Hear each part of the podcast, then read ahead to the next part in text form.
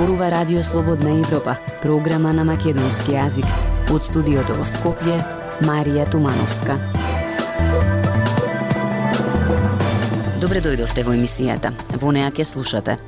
Заврши лидерската средба за уставните измени помеѓу премиерот Димитар Ковачевски и лидерот на ВМРО ДПМН Христијан Мицкоски.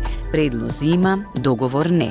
Пред владата протести на ранливите категории граѓани бараат покачување на примањата за попреченост, образовни асистенти, ортопедски помагала, ама и подобрување на инфраструктурата во градот. Од светот, уништувањето на браната во Украина ќе има долгорочни ефекти не само за производство на електрична енергија, туку и за земјоделството, предупредува стручната фела.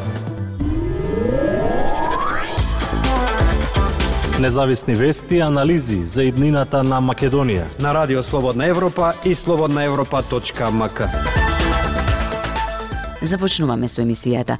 Без конкретен договор околу предлозите кои биле ставени на маса, заврши лидерската средба помеѓу премиерот Димитар Ковачевски и лидерот на ВМРО ДПМН е Христијан Мицкоски. Ковачевски му понудил на Мицкоски влез во владата во замена за поддршка за уставните измени. Мицкоски прифаќа влада без дуи, но има и своји условувања. Прилог на Пелагија Стојанчова. Без конкретен договор заврши лидерската средба помеѓу премиерот Димитар Ковачевски и лидерот на ВМРО ДПМН Христијан Мицкоски. Разговорите траја час и половина, а на средбата биле понудени предлози од двете страни. Внесувањето на бугарите во македонскиот устав била главната тема за која разговарале двајцата лидери. Лидерот на ВМРО ДПМН Христијан Мицкоски изјави дека сите 44 пратеници на опозицијската партија нема да ги поддржат уставните измени. Мицкоски кажа дека Ковачевски му понудил три предлози, но пред јавноста образложи еден од нив. Тој предложи да во рамките на парламентот отпочне дискусија и се отвори практично и се изгласа со две третини потребата за промена на уставот, а потоа да биде формирана влада во која што 10 ресори кои што во овој момент ги менеджира СДСМ, пет бидат дадени на ВМРО да помане, а таа влада да оди на парламентарни избори, да ги подготви парламентарните избори.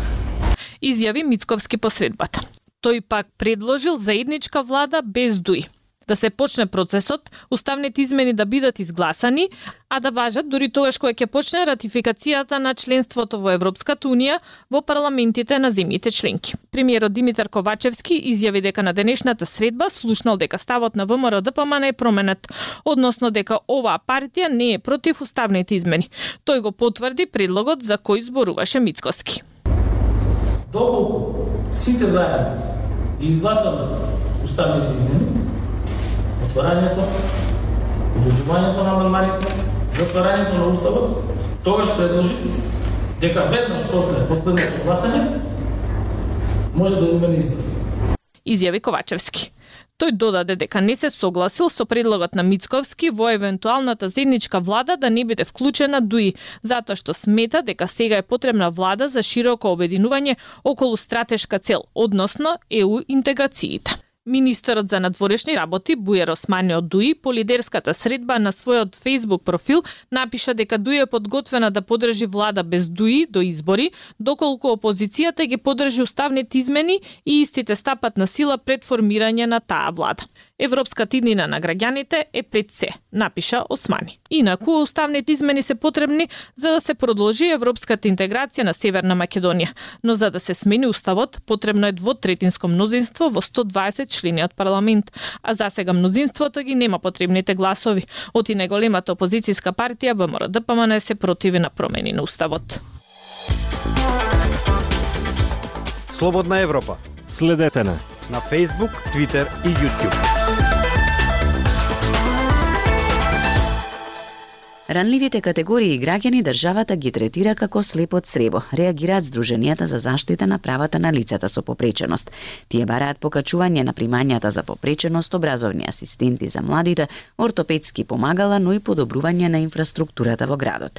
Нивниот протест го следеше Владимир Калински. Гневни поради неисполнетите ветувања на владата и општините, лицата со попреченост денеска се собраа на протест пред владата во Скопје. Со чувство на длабока фрустрација, тие укажаа дека државата, која се декларира како социјална, само 14% го зголемува додатокот за попреченост, додека платите на функционерите пораснаа за 78%. Зоран Велевски е родител на дете на кое му била диагностицирана церебрална парализа. Само трошоците за количката се големи, вели тој, а државата ги покрива на секој пет години. Едно инвалидизирано лице со 12.000 денари, дали може да преживее? Се запрашуваме. Кај се лекарствата? Кај се животните трошкови? И не да е Боже, ако остане сам, кој ќе му помогне? Луѓето со попреченост бараат веднаш државата со европско знаменце да донесе специјален закон за достоинството и благосостојбата на лицата со попреченост согласно меѓународните конвенции.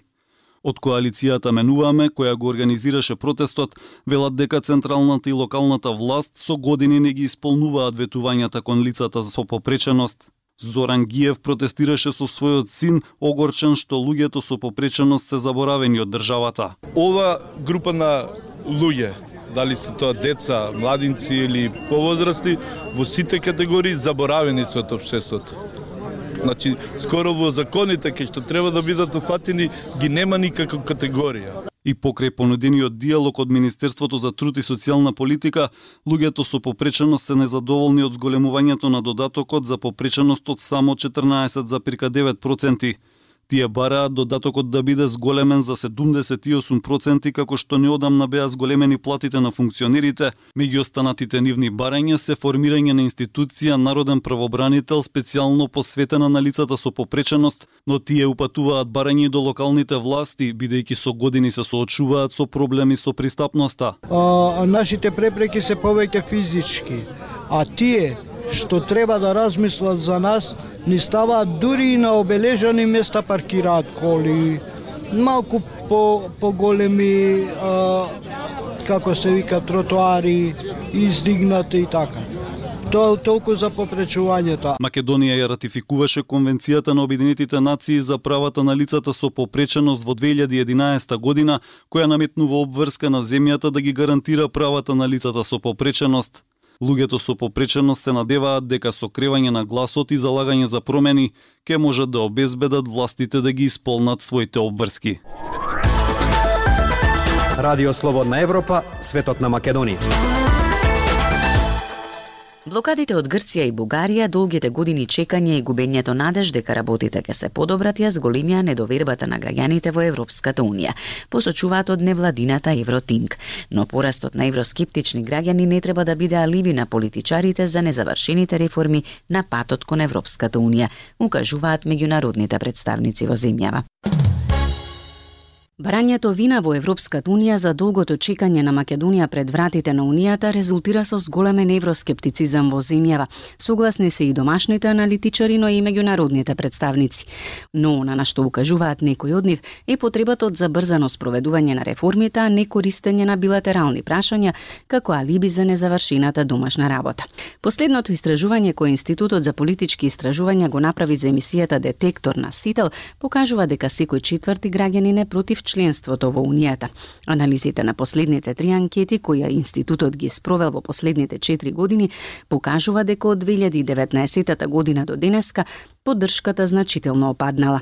Слични резултати добила и невладината организација Евротинг која два пати годишно го мери еу расположението кај македонските граѓани. Извршниот директор на организацијата Димитар Николовски вели дека процентот на согласност дека членството на Македонија во ЕУ би било добра работа во 2022 се намалило на 49 од 69 проценти колку што било во 2021 година. Николовски вели дека ваквиот однос на граѓаните кон неу им одговара на политичарите на власт кои покажувајќи ја ЕУ како главен виновник за долгото чекање на Македонија пред вратите на ЕУ се ослободуваат од одговорноста на незавршените работи. Политичарите дефинитивно тоа го користат како едно вид на оправдување и е, понекогаш дури и ги занемаруваат критиките кои ги добиваме од Европската унија во однос на борба против корупција, независност на судството и а, слични такви прашања. И тоа е секако добар добар изговор. Се до пред две години Николовски вели дека и покрај сите разочарувања од евроинтегративниот процес граѓаните покажувале доверба во ЕУ. Според него неизвестноста на самиот процес, уморот и губењето надеж дека работите условите ќе се подобрат се главните причини за зголемениот евроскептицизам. Но според Стево Пендаровски, Европската унија направила стратешка грешка што го оставила регионот и Северна Македонија надвор после сите компромиси, кои како што вели ги направивме како држава без да помисли на тоа дека Балканот природно припаѓа во проектот Обединета Европа. Политичкиот аналитичар Джелијал Незири пак вели дека властите не прават доволно напори за да ги изработат домашните задачи кои се услов за влез во унијата. Проблемот е кај кај самите институции, кај државата, кај кај е, политичките фактори во земјата кои немаат доволно е, доволна политичка волја за да ги спроведат реформите со цел да се сузбие или да се намали корупцијата во земјата, со цел институциите да бидат демократски, не само да има правен поредок по кои самите институции тој правен поредок да биде демократ. Тој сушност не гледа политичка волја за спроведување на реформите и за зголемување на демократските капацитети. Заклучува Незири. Актуелности свет на Радио Слободна Европа од светот. Уништувањето на браната Нова Каховка предизвика порои од вода, поплавувајќи села и градови и предизвикувајќи евакуација на илјадници граѓани, поплавени полиња и обработливи површини. Сепак, генерално, уништувањето на браната ќе има долгорочни ефекти во начинот на кој Украина ја складира и дистрибуира водата, не само за производство на електрична енергија, туку и за земјоделството. Пренесува Емил Златков. Браната Нова Каховка, хидроелектрана стара неколку децении, која се протега на моќната река Днепар во Јужна Украина, беше пробиена некаде во текот на ноќта на 6 јуни. Пробивањето предизвика поруи од вода, поплавувајќи села и градови и предизвикувајќи евакуација на илјадници, поплавени полиња и преплавени обработливи површини и мочуришта. Украина веднаш ја префрли вината на Русија, која го контролира објектот по инвазијата во февруари 2022. Од своја страна руските власти на окупираните територии на источниот брег на Днепар ја обвинија Украина дека ја уништила браната за да го прикрие, како што го нарекоа, недостатокот на успеси на бојното поле. Ниту една страна не обезбеди докази. Едно е сигурно, поплавата најверојатно ќе биде најголемата еколошка катастрофа откако Русија ја започна големата инвазија пред речиси 16 месеци. Што се случи со браната не е точно јасно. Изградена е во 1954 за да обезбеди електрична енергија за Јужна Украина. Објектот е под контрола на руските сили неколку недели по инвазијата на 24 февруари 2022 и предходно беше оштетен, еднаш кон крајот на октомври или почетокот на ноември. Вториот пат на 11 ноември, експлозија предизвикана најверојатно од повлекување на руските трупи, тогаш разнесе дел од коловозот на структурата. Тоа пак натера некои надворишни наблюдувачи да предупредат на можноста браната да се срушила сама, од занемарување, намерно или не, особено со оглед на тоа колку е надојдена акумулацијата на реката, Националната компанија за хидроелектрична енергија соопшти дека пробивот бил предизвикан од експлозија во просторијата за мотори. Видеото снимено од украинската служба на Радио Слободна Европа и други снимки кои кружат на Телеграм и социјалните мрежи покажуваат дека се поплавени цели села. Градот Нова Каховка, кој имаше 70.000 жители пред руската инвазија, беше делумно под вода, Евакуацијата започна. Ве замолувам да направите се што можете за да си ги спасите животите. Веднаш напуштете ги опасните области. Изјави во видеото Олександар Прокудин, шеф на регионалната воена администрација на Херсон. Пробивањето на браната ја загрозува централата поради падот на нивото на резерварите, што би им наштетило на базените што ги ладат јадрата со радиоактивно гориво во централата. Водите може да циркулираат, повторно да се користат, но ако нивото се намали премногу, температурата на водата во базените може да се искачи. Ако се зовриат или испаруваат, јадрата на горивото ќе се стопат и ќе експлодираат. До раните попладневни часови на 6 јуни, властите во градот Никопол, кој се наоѓа северно од електраната, изјавија дека нивото на водата веќе е намалено за 1 метар и половина. Меѓународната агенција за атомска енергија соопшти дека внимателно ја следи ситуацијата во централата. Толку во оваа емисија ја слушавте програмата на македонски јазик на Радио Слободна Европа. Од студиото во Скопје ве поздравуваат Дејан Балаловски и Марија Тумановска.